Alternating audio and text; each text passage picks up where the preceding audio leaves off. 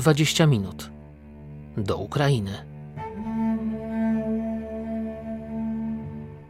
To jest podcast towarzyszący wystawie Ukraina Wzajemne Spojrzenia.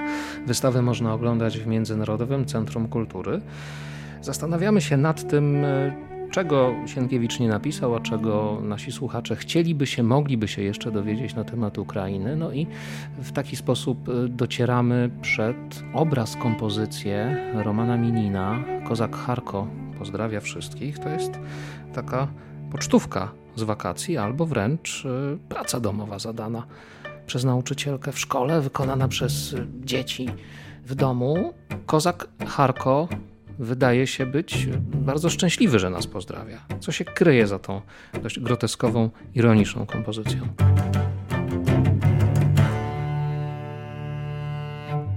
Kryje się, tak jak powiedziałeś, ironia, dlatego że Kozak Harko, czyli ten mityczny założyciel Charkowa, wystylizowany tak właściwie na dziecięcy rysunek farbami. To jest rozradowany kozak, który pozdrawia nas gestem ręki. Przy czym ironiczność tej kompozycji polega na fakcie, że w tle Kozaka Harki możemy zobaczyć Plac Wolności znajdujący się w Charkowie, na którym stoi jeszcze wtedy stoi pomnik Lenina. I jeżeli przyjrzymy się tej fotografii, zobaczymy, że Kozak Charkow naśladuje gest ręki, prawej ręki Lenina, ten pozdrawiający gest. Lenina już dzisiaj nie ma, ponieważ Lenin został zniesiony, tak jak wiele innych Leninów w Ukrainie. Właściwie ponad tysiąc tych Leninów zostało zniesionych w roku 2013 w ramach tak zwanego Leninopadu czyli rewolucji godności, przy której ostatnie pomniki Lenina, ostatnie ślady sowieckości były w Ukrainie znoszone. Joanna Majewska opowiedziała Wam o pracy Romana Minina. Dzień dobry, Joanno. Dzień dobry. Jest jeszcze z nami Katarzyna Kotyńska w tym odcinku. Dzień dobry. Dzień dobry. A będziemy rozmawiać o Charkowie przede wszystkim, ale może też i szerzej o wschodniej Ukrainie, o tym, co najsilniej widać w tamtej przestrzeni. No ale nie mogę was nie zapytać o to, do jakiego stopnia kozak Harko stanowi alter ego kozaka Mamaja, o którym wspominaliśmy w jednym z poprzednich odcinków. Czy to jest jednak element y, ciągłości, czy zerwania z tą tradycją, właśnie w tej bardzo ironicznej, groteskowej wręcz formie, którą nam proponuje Minin? To jest znakomite pytanie. Myślę, y, że mamy tutaj jedno i drugie tak naprawdę. Bo sam fakt, że y, mitycznym założycielem Charkowa, które mnie jednak kojarzy się przede wszystkim z nowoczesnością, ale o tym, o tym za chwilę. Y, mitycznym założycielem Charkowa wciąż pozostaje y, kozak Charko. Oznacza, że ta tradycja kozacka jest gdzieś cały czas podskórnie obecna i wiecznie żywa.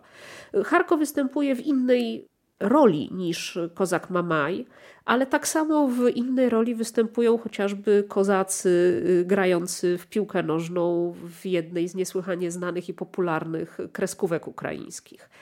Teraz, y, jeśli chodzi o ironię, tak, oczywiście Minin używa postaci kozaka bardzo ironicznie, ale też cała scena jest przesycona ironią. Jest to między innymi dekonstrukcja tego rewolucyjnego patosu, który miałby nam narzucić e, stojący na samym środku największego placu e, Europy, jak lubią mawiać Ukraińcy w Charkowie.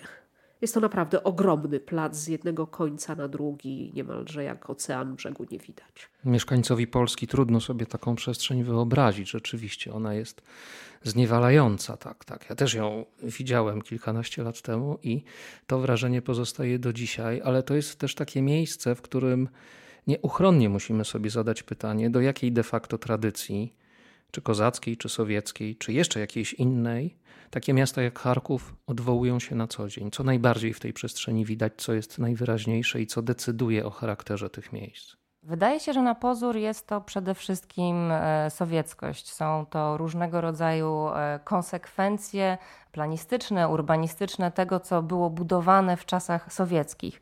Ale to jest to pierwsze wrażenie, tak jak powiedziałeś. Przyjeżdża człowiek z Europy, widzi ogromne place, widzi ciągnące się przez całe miasto, nigdzie nie skręcające ogromne e, ulice i to jest to nasze pierwsze wrażenie. Potem zagłębiamy się w strukturę i widzimy kolejne, nadal sowieckie, ale już zupełnie inaczej na nas oddziaływujące budowle. Z jednej strony będą to takie rzeczy jak Derszprom, czyli ogromne założenie budynków e, wybudowane w stylu modernistycznym, brutalistycznym, tak naprawdę nawet z perspektywy Wielkiej Brytanii to jest coś niesamowitego. To jest coś, co turyści mogą przyjeżdżać i oglądać, zwłaszcza ci z zamiłowaniem architektonicznym. Natomiast z drugiej strony są te rejony konstruktywistyczne, budowane specjalnie dla pracowników różnego rodzaju fabryk, tak jak słynne HTZ, traktorny i zawod, czyli fabryka traktorów, które budowane były w taki sposób, aby mieszkający tam ludzie byli jak najbliżej siebie. Dzisiaj, z dzisiejszej perspektywy wiemy, pod jak największą kontrolą, na przykład wspólne stołówki, brak kuchni. Dzisiaj, jak to widzimy, dzisiaj przechadzając się tą dzielnicą, możemy na przykład zobaczyć fasady budynków usiane kominami z każdej kondygnacji, z każdego okna, w którym, za którym znajduje się kuchnia, ciągnie się aż do szczytu budynku srebrny komin, doklejony. Robi to na e, kimś spoza kontekstu na pewno duże wrażenie i wywołuje to pytanie, dlaczego, jak to się stało. Ale to nie wszystko, bo jest jeszcze całkiem sporo Charkowa wcześniejszego. Charków nie zaczyna się w czasach sowieckich. Charków jest bardzo istotny, bo jest wtedy stolicą. Od roku 19 do 34 jest stolicą radzieckiej Ukrainy. Natomiast wcześniej mamy też bogatą tradycję XIX-wiecznej architektury i nawet wcześniejszej. Ja sobie myślę o Charkowie jednak jako o miejscu, jako o mieście zbudowanym na surowcach naturalnych. Czy możemy uznać przede wszystkim węgiel jako tę praprzyczynę, czy też praczynnik, który to miasto zbudował. W końcu niedaleki Donbas to jest tak samo miejsce, które zawdzięcza swoją sławę, swoją dobrą passę, a teraz no, bycie pomiędzy w sferze nieustannego konfliktu bogactwem naturalnym, takiemu też bardzo strategicznemu położeniu. Ja przepraszam, że się powtarzam. Kapitalne pytanie, i tak to się kończy, jak się y, literaturoznawców i kulturoznawców pyta o geografię gospodarczą. Dopiero teraz do mnie dotarło, że masz rację. Bo ja o Charkowie, kiedy myślę, to widzę zupełnie co innego. Ja oczywiście wiem, że ten Donbas jest za rogiem. Ciarki mi po skórze przeszły. To jest malutka dygresja. Kiedy byłam w Charkowie kilka lat temu w Charkowskim Muzeum Literatury, skądinąd znakomita placówka, i tam praktycznie były gołe ściany, trochę tablic informacyjnych i niesłychanie kompetentne, przesympatyczne panie, które tym wszystkim zarządzają. No i w końcu pytamy, jak to jest? Macie świetne muzeum, widzę, że dużo robicie, jest program, ale dlaczego tu nic nie ma? Wszystkie cenne eksponaty, powiadają, mamy popakowane w skrzyniach, zabezpieczone, gotowe do ewakuacji. 10 kilometrów stąd jest front. I dopiero wtedy do mnie dotarło, gdzie ja tak naprawdę jestem. Tymczasem z mojej perspektywy, za chwileczkę przejdziemy do Donbasu, bo to jest fascynująca kwestia, natomiast z mojej perspektywy Charków to jest przede wszystkim miasto, tak jak Asia powiedziała, stolica Ukrainy do 1934 roku, centrum życia kulturalnego i literackiego w krótkim, ale niesłychanie ważnym okresie tworzenia ukraińskiej kultury i literatury, przede wszystkim w latach dwudziestych XX wieku. Ci wszyscy autorzy, którzy później albo zamilkną w lepszym wariancie, albo zwyczajnie zostaną rozstrzelani w wariancie nieco bardziej dramatycznym, którzy później zostaną zbiorczo określeni rozstrzelanym odrodzeniem, a bez których w tej chwili w zasadzie trudno jest myśleć o ukraińskiej kulturze, ukraińskiej literaturze, ci wszyscy autorzy w taki lub inny sposób wiążą się właśnie z Charkowem. Znów ciekawostka na poły architektoniczne, na poły kulturologiczna. Jest w Charkowie dom, potężna kamienica, w której oni wszyscy mieszkali. To się nazywa budynek Słowo, dom Słowo. To było budowane jako taka spółdzielnia mieszkaniowa właśnie pracowników Słowa, dziennikarzy, pisarzy, w tej chwili to po wielu kolejach losu i oczywiście wielu dziesięcioleciach istnieje jako zespół mieszkań komunalnych. Jest po prostu duża kamienica z tablicą pamiątkową na szczytowej ścianie. Ale tak naprawdę wycieczka do Charkowa y, dla Ukraińca, Ukrainisty, osoby zainteresowanej literaturą, kulturą, bez wejścia na podwórko przynajmniej tej kamienicy albo bez próby przedostania się na klatkę schodową, i popatrzenia chociaż na drzwi tych mieszkań, to w zasadzie wycieczka jest niezaliczona. Ten budynek z lotu ptaka ma kształt litery S ukraińskiej, czyli polskiej litery C. Odpowiadając jeszcze na Twoje wcześniejsze pytanie, jeżeli chodzi o to, jak surowiec naturalny widać w Charkowie i w charkowskiej architekturze, może nawet nie sam węgiel, ale bardzo popularna czerwona cegła, do której dzisiejsi współcześni architekci ukraińscy, charkowscy chętnie się odwołują. Taki chyba najbardziej nośny i ciekawy pomysł na nowe budynki, kiedy z e, rozebranych budynków e, wykonanych z czerwonej cegły buduje się nowy budynek do wysokości pierwszego, drugiego piętra, wykonany właśnie z cegły, a później przedłużony za pomocą współczesnych, już bardziej nowoczesnych materiałów. Bardzo podobną rzecz zrobiono na Podolu w e, Kijowie. Teatr na Podolu, który dostosowaną ma właśnie wysokość cegły z rozebranego budynku kijowskiego XIX XIX-wiecznego do wysokości budynków na ulicy na Andriiwskim Uzwozie, co wywołało dość duży skandal, ponieważ on właśnie jest przedłużony, jest wyższy ale samą tą żółtą cegłą nawiązuje do Kijowa. O tym może jeszcze trochę więcej w kolejnych odcinkach. Natomiast w Charkowie ta czerwona cegła staje się symbolem miasta.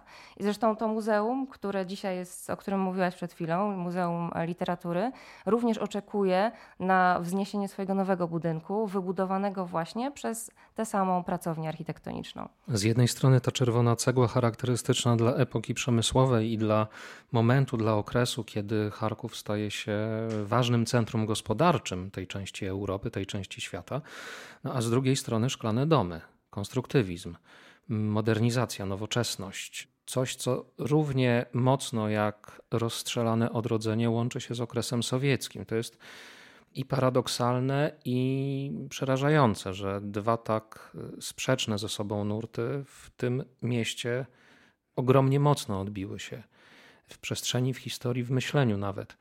Jakie dalekie echa tych prądów związanych z nowoczesnością i modernizacją dzisiaj widzicie w Charkowie? Znaczy, ja bym powiedziała, że Charków y, poza tym, że ma ten ogromny plac już bez pomnika Lenina, poza tym, że ma robiący ogromne wrażenie brutalistyczny budynek Derszpromu, który znów stoi przy tym placu i nie sposób go nie zobaczyć, wydaje mi się, jest trudniejszy do zrozumienia przy pierwszej wizycie, jeśli się nie wie, na co się patrzy.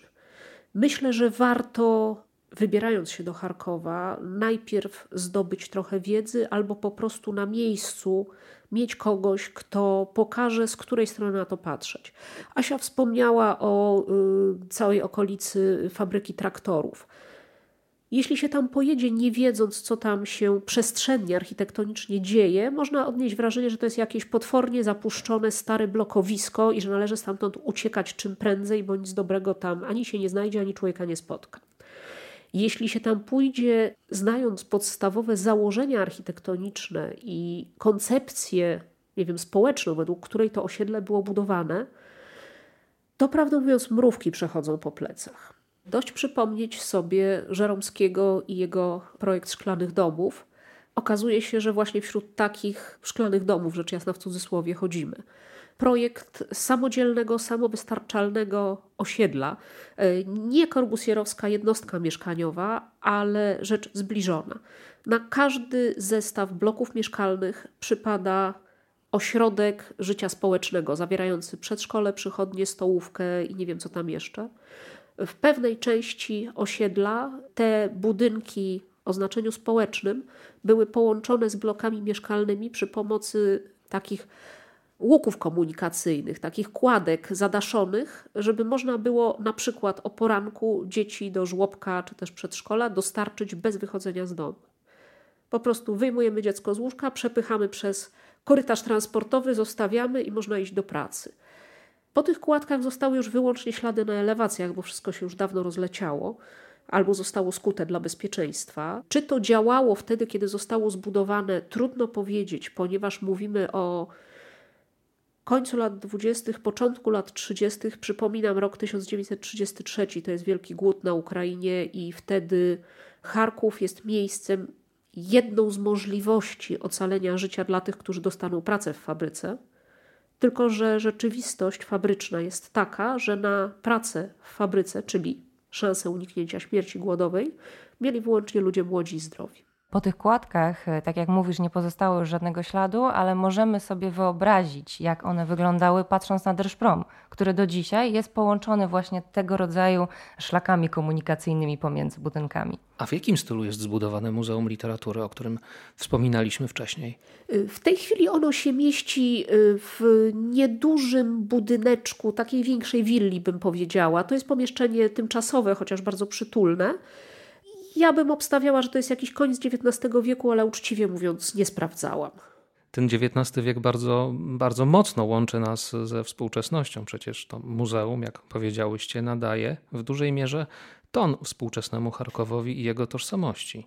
Dokładnie. Ono jest y, tym miejscem, któremu dzisiaj Charkowianie mogą zawdzięczać tą ciągłość y, dziedzictwa literackiego, ciągłość historii literackiej. Charkowska literatura zaczyna się jeszcze od jednego z najbardziej znanych ukraińskich filozofów Skoworody, przez charkowskich romantyków. No i dochodzimy tutaj do wieku XX i właśnie tych y, lat rozstrzelnego odrodzenia, o którym powiedziała Kasia. 10 lat bardzo prężnego funkcjonowania grup literackich, bardzo nowoczesnych i europejskich twórców, którzy zostają wymazani, wygumkowani z historii literatury na bardzo wiele lat. I tutaj zaczyna się rola e, Muzeum Literatury w Charkowie, dlatego że dopiero w latach 90 cenzura, którą byli do tej pory objęci pisarze i twórcy rozstrzelanego odrodzenia, zostaje zniesiona. I to właśnie w tym muzeum zaczynają spotykać się ludzie, którzy mają jeszcze jakieś wspomnienia, mają dokumenty. To właśnie to muzeum prowadzi e, zbiór informacji i z niego również zaczyna się historia tak ważnych dzisiaj dla ukraińskiego wschodu pisarzy, jak chociażby Serhii Żadan. Serhii Żadan, który jest człowiekiem instytucją, który zaczyna jako punkowiec, jako anarchista, pisze postmodernistyczne książki, wiersze, ale dzisiaj w obliczu e, wojny i zmian politycznych, które mamy na wschodzie, jest już nie tylko pisarzem, ale również działaczem społecznym. I tutaj myślę, że warto wspomnieć e, jego fundację, która zajmuje się nie tylko tak prozaicznymi rzeczami jak organizacja zbiórek e, pieniędzy na wyposażenie szkół na wschodzie, zapewnienie podstawowych potrzeb y, bibliotek, potrzeb również poszczególnych rodzin, które ucierpiały w ramach działań wojennych, ale również bardzo przyszłościowe myślenie o wychowywaniu i edukacji najmłodszych mieszkańców wschodu, czyli takie projekty jak Mandriwnyky, czyli wędrownicy dla dzieci ze wschodu, po to, aby mogły jeździć po całej Ukrainie i zobaczyć, jaki jest y, ich kraj, nie tylko z perspektywy wschodu, ale z perspektywy całości. Różnego rodzaju konkursy i festiwale literackie, również y, kierowane do dzieci, po to, aby pokazać im, po to, aby włączyć je w kulturę ukraińską i dać im możliwość rozwoju. Bardzo ważne, istotne rzeczy. To jest moment, w którym musimy przynajmniej spróbować odpowiedzieć na pytanie, dlaczego Charków nie podzielił w ostatnich latach losu Doniecka i Ługańska. Jest taka miejska legenda, w której z pewnością jest ziarno prawdy, że to właśnie działalność Żadana i jego obecność w mieście robi różnicę. To oczywiście nie jest prawda, bo nie chodzi tylko o niego, ale chodzi o ruchy związane z kulturą. Ruch związany z kulturą, z teatrem, z spotkaniami literackimi z kinem, który w jakiś sposób ukrainizował i przywiązywał społeczność mieszkającą w Charkowie, mieszkańców Charkowa do tego, co dzieje się w szerszym kontekście na Ukrainie. Do tej Ukrainy wyobrażonej, o której mówiliśmy. Oczywiście w Doniecku też y, był Euromajdan, też y, w czasie trwania rewolucji godności były wystąpienia, ale nie były tak tłumne, jak działo się to w Charkowie. Zaczęliśmy naszą rozmowę od kozaka Charko, czyli od tego dzieła Romana Minina, które pokazuje nam kozaka Harko jako kozaka nowej generacji, byśmy powiedzieli, no ale jednak y, ważniejszy, myślę sobie, w tej również bardzo współczesnej historii Charkowa i najbliższych okolic tego dużego ukraińskiego miasta jest nadal węgiel, jest nadal ten surowiec, który w zasadzie stał się siłą napędową do pewnego momentu, do pewnego stopnia konfliktu pomiędzy Ukrainą a Federacją Rosyjską. Jak wygląda w tym momencie ta sytuacja? Prawie cała Doniecczyzna z Donieckiem jako centrum jest y, tym, co Rada Najwyższa Ukrainy uznaje za terytorium czasowo okupowane. Donieck jest stolicą no, nieuznawanej na arenie międzynarodowej Donieckiej Republiki Ludowej. To jest tak od 2014 roku mamy taki stan rzeczy. Rzeczywiście Donieck i okolice węglem i metalurgią stały, bo trudno powiedzieć, że stoją. Stan przemysłu w tamtych okolicach jeszcze przed wybuchem wojny rosyjsko-ukraińskiej był trudny, by nie rzec opłakany. Problemy y, z utrzymaniem infrastruktury, problemy z zanieczyszczeniem środowiska, wszystko, co sobie można w takim miejscu wyobrazić. Natomiast Donieck i jego okolice to są tereny niesłychanie ciekawe, zwłaszcza te okolice na poły wiejskie, na poły robotnicze. Znaczy właśnie, ja mówię y, z takim naukowym entuzjazmem ciekawe, a tak naprawdę to mamy kolejne dramaty ludzkie i kolejne y, takie zawijasy historii, że nikomu nie życzyć. Y, to są tereny, na których spotykają się ludzie zwiezieni bądź sprowadzeni w najróżniejszych okresach z najróżniejszych stron. Z dowolnych krańców Rosji i z dowolnych krańców Ukrainy, a są nawet rodziny przesiedlone ze znanej nam doskonale Bojkowszczyzny. Proszę sobie wyobrazić tych bojków z naszych gór przesiedlonych na płaskie, wokół kopalniane stepy pod Donieckiem z wiosek położonych w przytulnych, zielonych dolinach. Między łagodnymi stokami, tak, i nagle ten krajobraz zmienia się no, niemal na lemoski księżycowy. Sam Donieck to też jest miasto niezwykłej historii. Ono wyrasta prawie z niczego na początku drugiej połowy XIX wieku. Żeby było jeszcze weselej, zostaje założone przez Walijczyka, przez walijskiego metalurga i potentata Johna Hughesa, stąd pierwsza nazwa miasta Juziłka to jest e, wariant fonetyczny lokalny użycia nazwiska pana założyciela. Potem Donieck e, zgodnie z biegiem historii zmienia również nazwy. Od 1924 roku jest to Stalino. Dopiero po referacie Chruszczowa dochodzimy do nazwy Donieck. Wspominaliśmy o Serhiju Żadanie. Jest też ważny reportaż Artema Czecha, no i pracę wielu, wielu innych twórców literatura bardzo mocno się przejmuje tym, co jest właśnie w tej sferze frontowej, 10 kilometrów od centrum Charkowa. Serhii Żadan, Artem Czech, ale też Wolodymyr Rafienko. Tak, Trudno by było, gdyby te mocno oddziaływujące już przecież od siedmiu lat na ukraińską rzeczywistość wydarzenia nie znalazły odzwierciedlenia w literaturze. Zwłaszcza w literaturze osób, które z tego wschodu pochodzą, tak jak na przykład Żadan. To nie wybrzmiało, ale warto dodać, że on przez długi czas był jedynym i najmocniejszym ukraińskojęzycznym głosem tego teoretycznie rosyjskojęzycznego wschodu. I gdybyśmy dzisiaj w Polsce chcieli przeczytać literacką wizję wojny na Donbasie, warto zajrzeć do internatu. Dlatego, że internat, chociaż opowiada prostą historię e, człowieka, który wybiera się odebrać swojego siostrzeńca z okupowanego miasta na wschodzie, z pozoru historia jest prosta fabularnie, ale bardzo dobrze oddaje specyfikę i rzeczywistość tamtych działań wojennych, tą dezorientację, tą niejednoznaczność sytuacji. Podobnie tutaj warto sięgnąć jeszcze po również przekład Włodymira Rafienki Najdłuższe czasy, również dostępny po polsku, tak samo jak reportaż Artema Czecha dotyczący tego, co dzieje się na ukraińskim wschodzie. W podcaście 20 minut do Ukrainy podróżujemy zatem nie tylko zgodnie z tym, co dyktują nam dzieła wybrane na wystawę Ukraina Wzajemne Spojrzenia, ale też e, zgodnie z tym, co proponuje literatura ukraińska pisana w ostatnich latach. Kolejny odcinek poświęcimy naszym innym, ukraińskim innym, ze szczególnym uwzględnieniem Tatarów krymskich. Joanna Majewska, bardzo dziękuję. Dziękuję. I Katarzyna Kotyńska, dziękuję uprzejmie. Dziękuję. Bartosz Panek, słyszymy się w kolejnym odcinku.